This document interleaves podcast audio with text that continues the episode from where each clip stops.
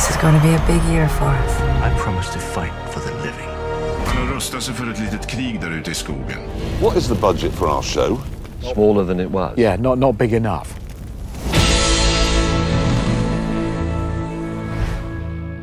Hej och igen hjärtligt varmt välkomna till Streamingpodden. Det här är avsnitt nummer 23 och det är med mig Jonas Rydholm Birmi och Magnus Svensson. Vi är båda från Ivin Technology. Vi har en fullspäckad agenda idag. Eh, vi har först och främst en gäst, eh, Björn Westman här, som ska berätta om ett initiativ. Vi har lite nyheter, eller det är, inte ny, det är egentligen det är väl inte nya nyheter längre, men vi ska prata om Telia Discovery som nu är överens. Vi kommer att få lyssna på Ida Renström som jobbar på Redby Media och berätta vad man gör på dagarna och även nätterna på Playout. Eh, lite nyheter om, om uppköp i, i USA. Eh, ett avtal mellan Netflix och Teaterförbundet som ska nämna och såklart eh, patentpooler slutar ju aldrig vara aktuellt eh, och uppdateringar kring det. Och sen så avslutar vi med det tema som vi började med förra gången där, saker som aldrig slog.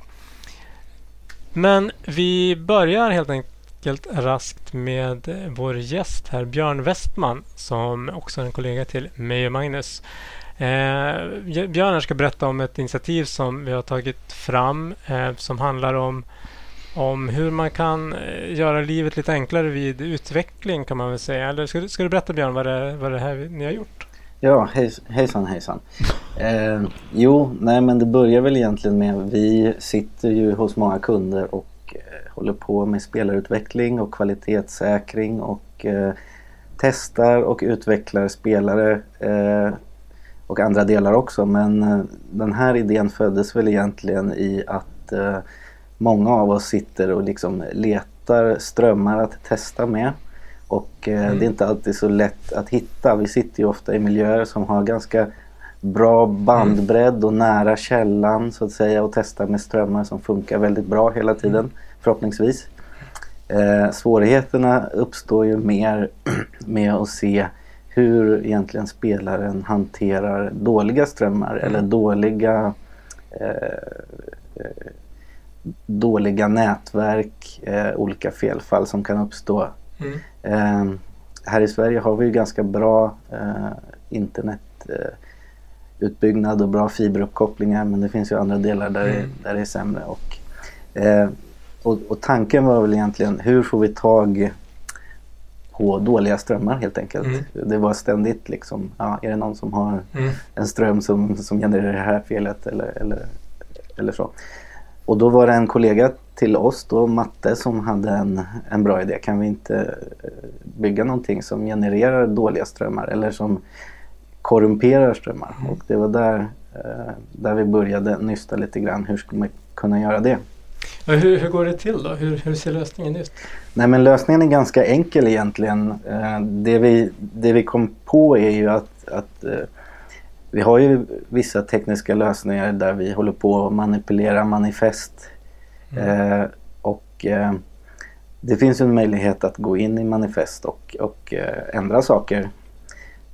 Och dessutom om man lägger, upp, lägger ett litet proxy mellan eh, spelaren och eh, servern där mediasegmenten ligger, alltså Mm. CDN eller Origin, så kan man göra lite vad man vill med de Mm. request man får in. Så att eh, lösningen är egentligen ja, som en service som vi kör i molnet då som fungerar som ett proxy mellan spelaren och eh, CDN eller Origin. Mm. Och eh, spelaren då istället för att eh, fråga efter segment från, från CDN och Origin så skriver vi om manifestet så Mm, att, så att eh, requesten går mot våran proxy istället. Eh, och, eh, och därigenom så kan vi då till exempel svara med vilka responskoder vi vill på seg- segmentrequest och vi kan även avstå från att svara så att det blir en timeout i spelaren. Eh, sen kan vi även manipulera manifestet på andra sätt, till exempel simulera att segment har försvunnit mellan kodare och origin så att det liksom saknats segment eh, i manifesten. Ja, det är hål i manifestet så att säga. eller? Ja, så att det blir ett hål. Hur, hur reagerar spelaren på, Mm. på ett sånt fall? Eh, och, eh, Så det, det är egentligen en ganska enkel lösning. Det som är mest är väl kanske manifestparsning. Mm. Eh, och liksom få, få tag i de här objekten vi vill komma Mm. åt och manipulera. Men, Men så att, så att det, det du säger att man, man behöver egentligen inte skapa några nya strömmar utan man kan använda de som man redan har men man kör genom den här proxen för att de på ett kontrollerat sätt manipulera dem. precis, så att man behöver liksom inte ha ett bibliotek med, Ja, med felaktiga strömmar. Och Så man inte använder det. redan befintliga strömmar eller eh, innehåll man har. Och Exakt, och det sker ju on the fly då så att säga när spelaren spelar upp strömmen. Mm. Att vi eh, ja, tar bort, eller tar bort eh, segment eller så att säga inte svarar, Mm. svarar som spelaren kanske förväntar sig. Så att man kan ju ta vilken ström som helst Just. egentligen. Ja, Men smart. det är en sak som du nämnde, det är ju såklart att man vill, vill testa hur spelaren agerar och robustheten i den så att säga. Eh, men finns, kan det finnas andra användningsområden när du säger att det kanske inte är själva spelaren du är ute efter att testa utan någonting runt omkring den? Har du något exempel på det?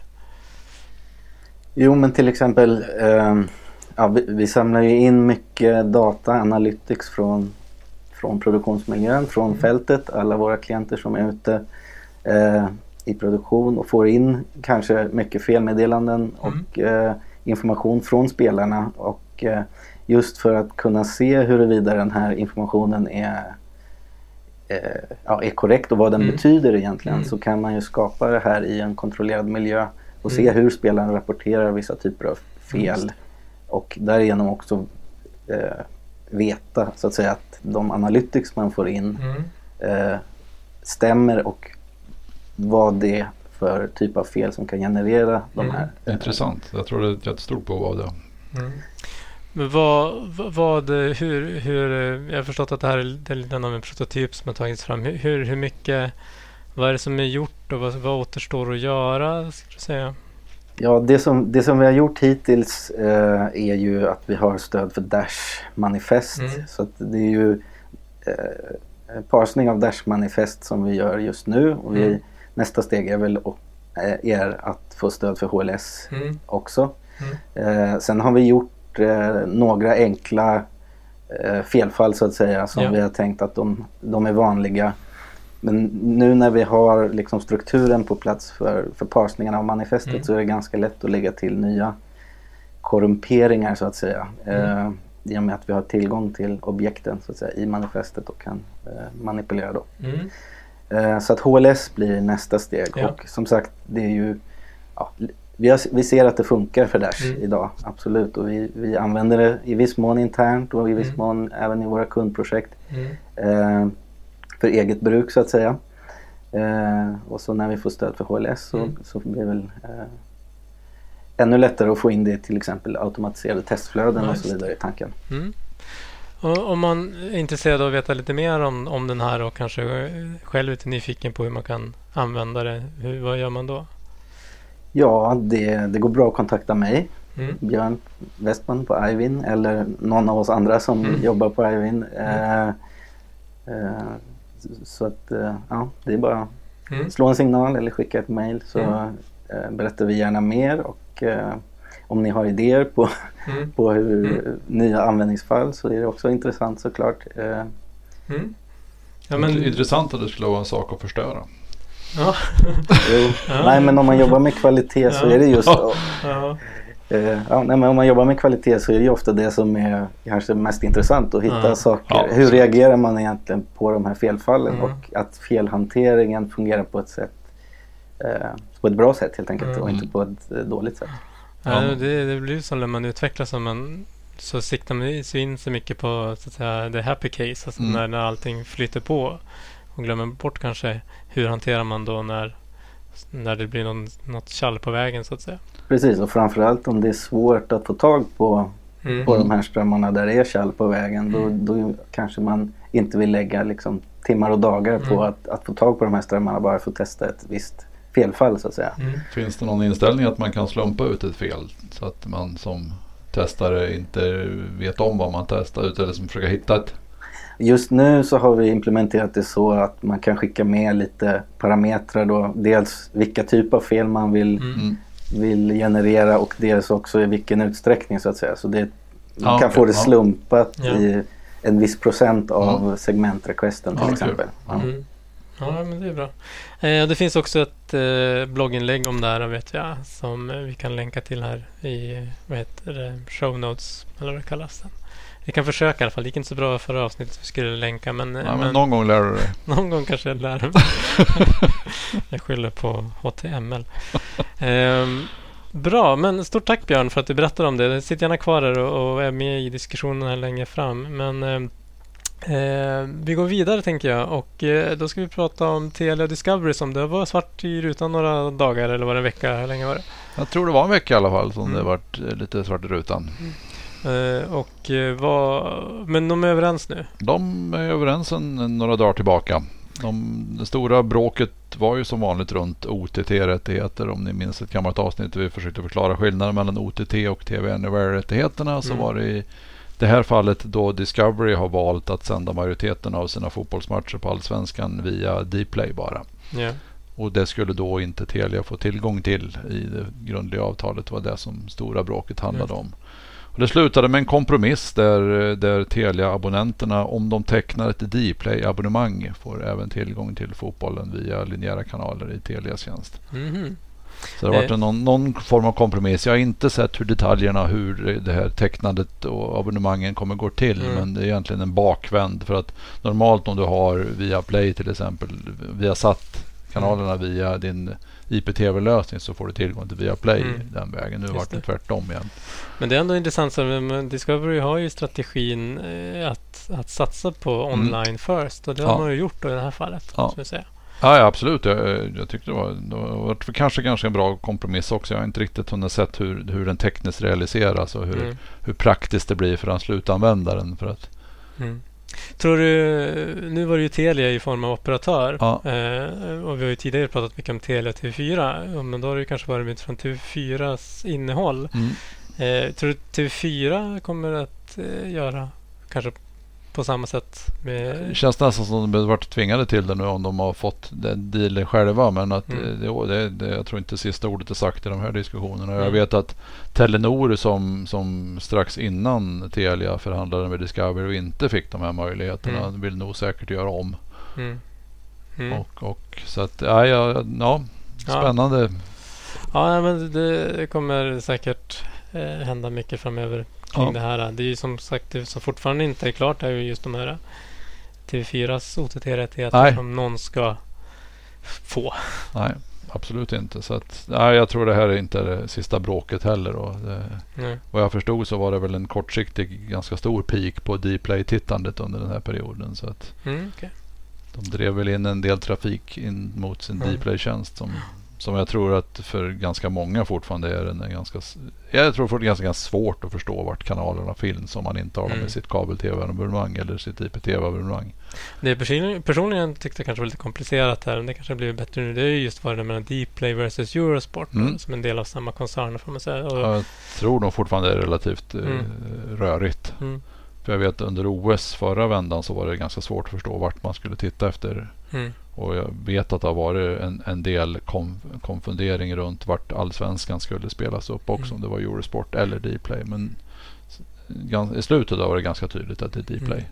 Och men man också ska veta, det fick vi lära oss på Streaming Tech i förra året, är just att Discovery kanske till skillnad från andra globala aktörer, de väljer ju att använda lokala varumärken kan man säga, lokala Mm. tjänster. Så att här, det var Dplay här i Norden, det finns Dplay i, nu kommer jag inte ihåg vad de andra ställena var, eh, men, men, men att varje marknad har sina egna tjänster och branding Ja. så, och allt det där, även om de är en del av samma Mm.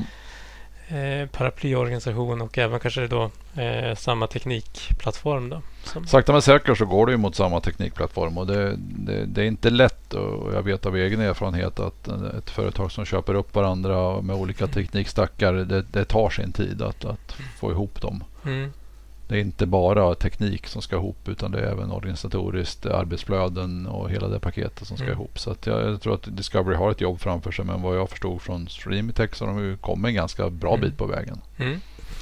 Ja, men det, det, de, de, det är ju en global eh, aktör ska man ju komma ihåg. Mm, även om absolut. Dplay är väldigt lokal eh, aktör här. Så. Eller Dplay Sverige kan man säga. Och eh, bra, men eh, då, vi har ju pratat lite om linjär-tv och tv-kanaler. så då passar det ganska bra att lyssna på ett en inslag här, en intervju med Ida Renström på Redby Media som jobbar på eh, Playout där som teamledare och operatör. Och eh, ja, vad gör man egentligen på Playout om dagarna och även till viss del om nätterna? Det ska ni få lyssna på här. Ja, då så. Då sitter vi här tillsammans med Ida Renström på Redby Media. Och eh, vi hade faktiskt tänkt träffats eh, in person för den här intervjun, men eh, Eftersom Ida här jobbar med mycket av en samhällsbärande funktion på olika delar så har vi valt att köra via länk så att inte vi tar några onödiga risker. Och som jag nämnde, Ida här jobbar på Redby Media som ansvarar och levererar tjänsten Eh, playout till deras kunder runt om i världen. Och eh, Vi ska få höra nu från Ida vad, vad jobbar med, med som operatör och teamledare i Playout? Ja, eh, det vi gör som Playout-operatör, eh, både eh, inom streaming för OTT-tjänster eh, och för linjär utsändning, är att vi försöker se till så att all, allt material, alla kanaler och events eh, spelas ut korrekt. Eh, både då mot distributörer som distribuerar vidare mot sluttittare ute i landet och mot internet, internet för eh, OTT-tjänster, mm. olika playtjänster. Mm. Eh, hur, hur, ser ja. då en dag på jobbet ut? Vad gör man? Eh, ja, man kommer, vi jobbar ju i skift då så mm. att, eh, eh för att täcka hela dygnet. Och när man kommer in på sitt pass så börjar man att kolla lite vad man har framför sig. Eh, vilka livesändningar som man ska hantera. Eh, man får någon sorts status på eh, hur tekniken mår och hur systemen mår och om det är några speciella saker som man ska tänka på rent tekniskt som man måste hantera annorlunda eller det kan vara någon speciell workaround som gäller just nu för mm. att undvika fel och sådär. Mm. Eh, så att man börjar väl med att förbereda sig och eh, planera lite framåt för det som kommer hända under passets gång. Då. Ja, just det. Finns det någon händelse då som har fått din puls att gå upp lite mer? Och vad, vad hände då om du kan berätta? Eh, jo, men alltså inför varje livesändning så har, ju, så har man ju ganska hög puls eftersom ja. allting händer här och nu och det handlar liksom om inte bara sekunder utan liksom frames där allt ska stämma. Liksom. Eh, så att man är verkligen på, på spänn. Sen så har jag väl... Eh, nu var det ett tag sedan jag satt just i, i sändningen på det sättet. Så jag hade säkert haft mer att berätta om det var några år tillbaka. Men jag kommer ihåg en gång när jag skulle skicka ut något typ av crawlmeddelande. Eh, antingen om det var viktigt meddelande till allmänheten eller om det var just information att nu är det tekniskt fel. Då har man ju som en rullande remsa i bild. Mm. Och då hade eh, någon, eh, någon lustig figur hade skrivit in ett defaultmeddelande där som löd Hej hopp i lingonskogen. Eh, och det, istället för liksom typ, ja, skriv in text här. Ja. Eh, och den texten råkade jag skicka ut i bild. ja, det, det, är ju ingen kanske större skada skedd, men det är lite pinsamt, kanske lite lustigt när sånt här ja, sker. lite sådär, speciellt när man är ny på jobbet. Ja. Apropå det då, vad, vad om, man vill, om man är intresserad av det, detta yrke, då, vad, vad, hur ska man utbilda sig? Vad ska man gå för att komma in i det? Eh, ja, vi, vi som jobbar här har lite olika bakgrunder. Eh, Många har ju gått någon typ av eh, media och kommunikationutbildning mm. eller journalistutbildning. Eh, vi har också folk som har pluggat eh, ljud och musikproduktion. Eh, jag själv kom in faktiskt under mina studier till civilingenjör i medieteknik. Mm. Så att det är många som kommer in redan liksom under studietiden och vill jobba med någon form av medieteknik som är relaterat till det man studerar. Mm. Um, och sen, ja, det gäller ju framför allt att man är rätt typ av person. Mm. Uh, just för att det är så speciellt den sits man sitter i, att det kan hända jättemycket uh, och bli jättestressigt på mm. liksom en sekund. Eh, och sen så kan det vara vissa stunder som, som det bara handlar om att man måste liksom vara skärpt och se till att allting går ut rätt. Mm. Eh, och låter rätt med grafik och text och ljud och bild. Mm. Eh, så man måste liksom vara en sån person som kan hantera både högt och lågt så att säga. Mm. När du säger att ni, ni jobbar i skift då, så att säga, alltså, eh, hela dygnet. Vad, vad, är, det, en- är det så att det är ändå lite lugnare på, på nätterna eller är det fortsatt, man behöver fortsatt vara ganska skärpt även mitt i natten då så att säga för att vad som helst kan Mm. hända? Ja precis, det är ju som jag nämnde olika, olika skeenden i jobbet. På, under prime time så, så är det ju mycket livesändningar, eh, både sport och underhållning som gör att man, eh, man är ju väldigt aktiv på det sättet eh, då vi, liksom, eh, vi är delaktiga i själva sändningen. Mm. Medans på nätter så kan det ju å andra sidan vara en utmaning att det inte pågår livesändningar, eller det pågår i alla fall mindre livesändningar. Mm. Eh, och då måste man ju vara, vara skärpt fast det är eh, natt och tempot går ner. Liksom. Mm. Eh, men sen kan det hända att man, har, eh, att man hanterar sporträttigheter som, eh, som sänds på andra sidan jorden och då är det ju livesändningar även på nätet. Ja, det är sant. Ja, det är inte bara i, här i Norden som, som det händer saker. Nej. Eh, det här är ju en streamingpodd då, så då måste jag ställa frågan. Vad, vad tittar du själv streamat på just nu? Ehm, jag tittar på, jag är faktiskt inne i en period där jag kollar lite mer på film. Mm. Eh, jag har ingen sån där superserie. Jag har i och för sig en serie som jag streamar som, eh, som heter The Frankenstein Chronicles. Mhm. Eh, som går på Netflix. Känner du till Mm. den? Nej, jag har inte själv sett den, men det låter spännande. Ja, det är med, med Sean Bean. Okej. Mm. Eh, utspelar sig på 1800-talet.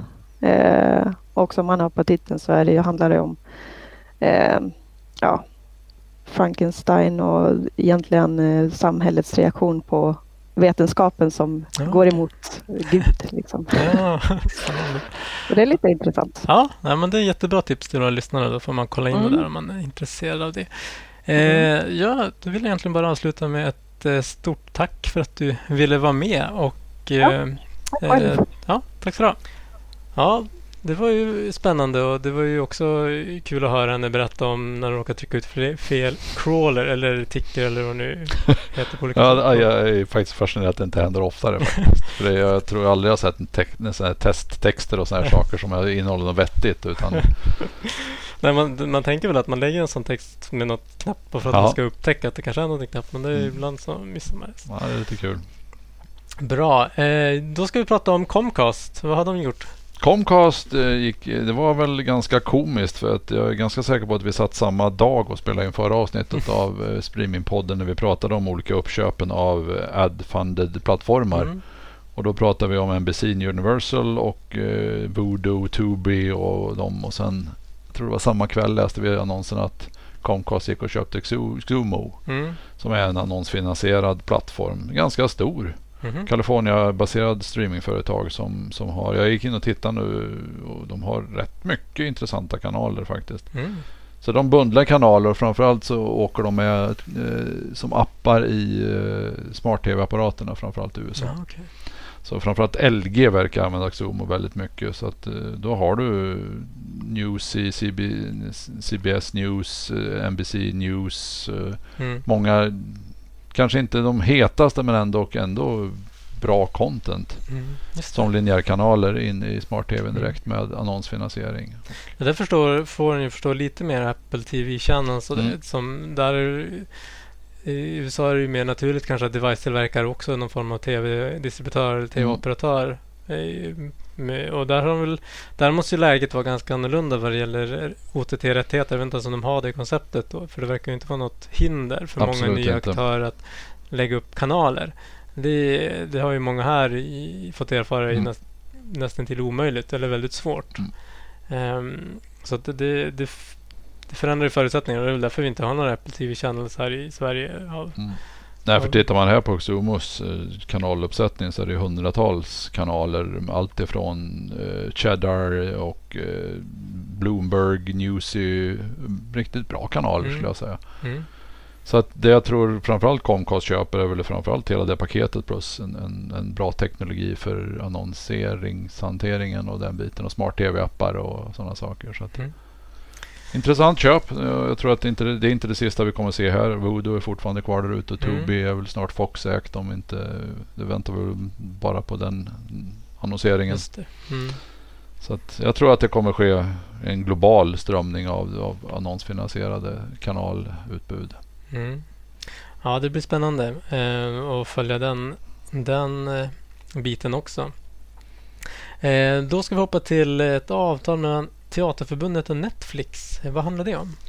Det handlar om att eh, fram tills nu har väl egentligen Netflix eh, lagt vantarna på väldigt mycket av det de skapar vad det gäller lokalt content. De har Mm. ägt rättigheterna och eh, all, all pengainströmning av det för all framtid. Men Okej. nu har de tecknat ett avtal som jag har inte sett detaljerna men det verkar ganska intressant att skådespelare, teaterarbetare och, och filmbolagen faktiskt får en Okej. del av kakan Mm. Och får det baserat på hur bra serien går och hur mycket den strömmas. Så Mm. att det finns ett incitament för både för Netflix då och även för, för skådespelare och andra inblandade att få en, en, en slant. Och skulle Mm. Netflix sen sända- det vidare eller sälja det vidare så blir det ännu mer pengar till Mhm. skapandet. Okej. Mm. Och det är väl ganska unikt. Det är första gången Sverige, någonsin Sverige har tecknat det med en, en stor drake som Netflix. Och, Mm. och jag har inte sett att, och jag vet, det, det kan säkert några av lyssnarna rätta mig i så fall, men jag har inte sett att andra länder har motsvarande dealar med Nej. Netflix. Men det kanske är en början nu. Att, För Mm. att det har väl det har väl varit ganska tufft för de lokala aktörerna som när Netflix och andra har rullat in och köpt lokalt content men sen eh, lagt vantarna på rättigheterna också. Mm. Det blir bara en engångs... Ja, man får, man får en inkomst men den är lite, som kissa i sängen. Det blir så Mm. varmt en stund. Men Jag vet inte, jag kan inte relatera men det är säkert de som kan. Eh, ja. Ja, nej, men eh, det, det, är, det är väl positivt då eh, gissar jag för, för de som verkar i den. den ja, jag, jag upplever det som det. Jag måste säga att det finns säkert de som kan det bättre. Men jag känns som att det är positivt för båda parterna. Och enligt rubrikerna verkar alla nöjda. Så att, Mm. Vet, det vet väl inte du kanske, men det kan ju vara en intressant fråga till våra lyssnare också. Men det är just det här hur, hur det ser ut mellan om vi tittar på nu TV4 och C More Origins och, den, och de, hur de så att säga. som jag har förstått det så har de haft motsvarande Mm. dealar innan. Så det har egentligen varit de globala som inte har Nej, okej. köpt de här Mm. överenskommelserna. Så att, Just det. Så att nu blir det mer på samma villkor. ja, lite så känns det som. Så att, Mm. Vilket Teaterförbundet var väldigt stolta över vad jag förstår. Så Mm. Bra, eh, då ska vi prata om eh, patentpooler igen. Det är väl roligt. Eh, vad har hänt här nu? Det är ju Sisvel som är, är, i farten igen. Då. Sisvel har samlat kraft igen. Vi, nu är det var, dags. Var det förra avsnittet vi pratade mest om att de, vi undrade vart de tog vägen? Mm, Mm, det eller? skulle vi aldrig ha gjort. Då väckte vi tydligen någon björn där. Ja. För att nu har de samlat kraft. Så nu har Ja. de hittat nya, nya medlemmar som eh, vill vara med och bråka med AV1 och Alliance of Open Media. Och Som- där är det ju intressant för det är ju, inte, det är ju faktiskt några kända namn där. Det är Dolby, det är Ericsson, det är GE bland annat. Så att det är inte det är inga små kompisar de har samlat på sig nu. Så att det är väl därför de känner sig att de är, har gott mod att, att bråka igen med Alliance of Open Media. Och Mm. de, har, det- de påstår sig ha ungefär 1000 patent på VP9 och 2000 för AV1. Oj, ja. Så det är ju en gedigen portfölj. Och de har, jag har inte tittat på det men de har publicerat några exempel på det också. Så. Men, men samtidigt så när AV1 kom då skulle ju det vara royalty free. Väl man har, det är väl så de har marknadsfört den Ja. måste jag säga. Absolut. Men då det, det, det det här antyder då, det är kanske inte helt utrett än då, men det är att det finns IP i den pool eller i, i AV1 och då även VP9 som inte är fria. Utan det finns någon som har patent. Det är väl egentligen inte helt oväntat konstigt heller. För det är ju inte, AV1 bygger ju inte på helt ny teknologi och, och tankasättet hur man kryp, eller komprimerar Nej. video. Så att Nej. sen, sen är det som Ja, ja, det var ju förvånande att det var ganska stora namn som kom med helt plötsligt. Det är väl det som gör att den här gången kanske det inte är bara ett, ett skrämselskott. Nej. För Ericsson brukar ju komma med en, en ganska stor slägga när de kommer. Och Dol- Ja. Dolby är inte heller eh, små. Nej. Och, och vad, vad vet du vad det skulle innebära då om man eh, har några fi, alltså Ja, sen då licensavgifter? blir det ju garanterat någon form av licensiering av det i så fall. Men det är inte klart än Nej, vad, vad det jag skulle tror handla om. absolut det, det här kommer säkert vara en långbänk för att det är, Mm. på andra sidan så har vi företag som Amazon, Cisco, Samsung, Apple. Mm. Ja, för Netflix rullade ju precis ut på Android i alla fall vad jag vet. Netflix har ju kört ut all sin content på AV1 på Android så att Mm. eh, det är ju inte så att det inte används heller. Och Nej. Youtube har gjort det länge. Så att Mm.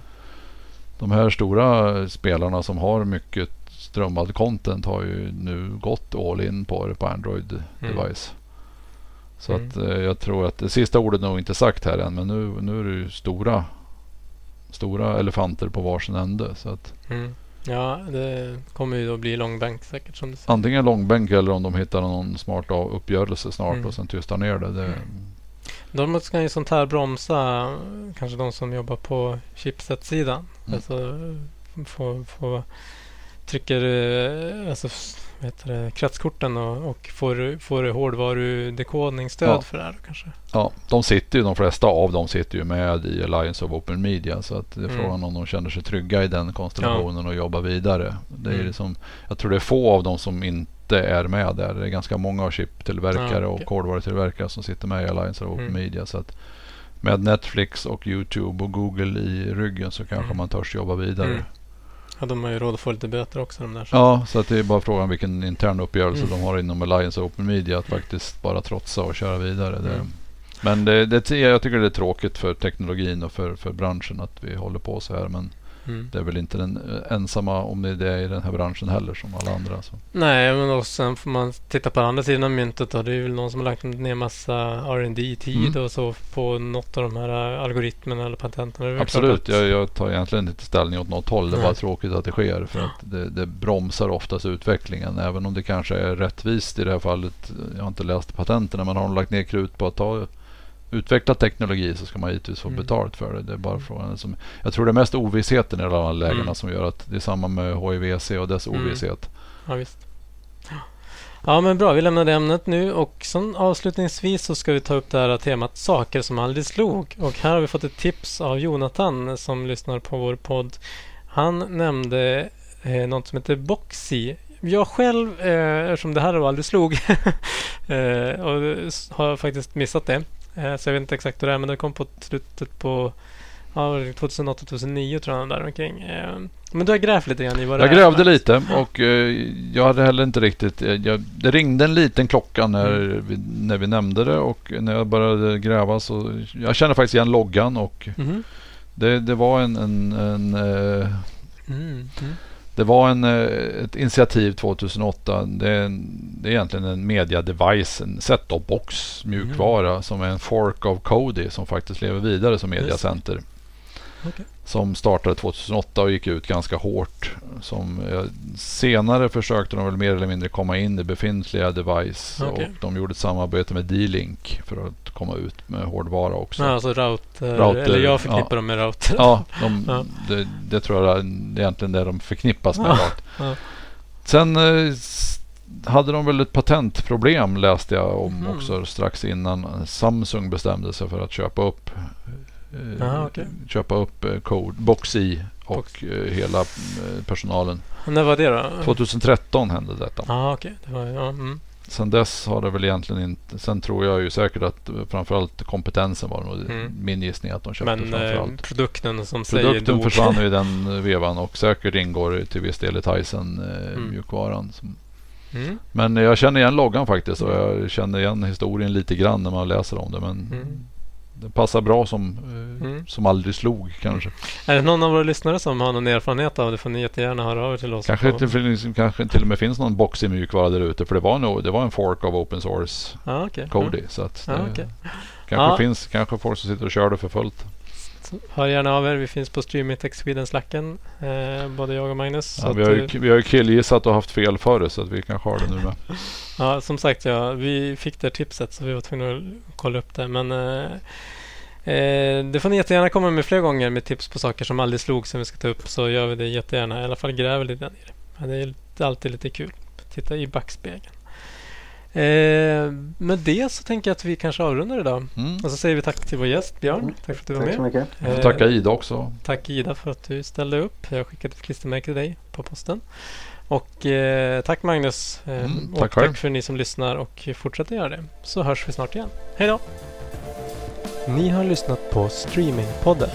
En podcast för dig som är intresserad av streamingteknik och nyheter i området. Programmet produceras av Ivin Technology, leverantörsoberoende specialister inom videoteknik och mediedistribution.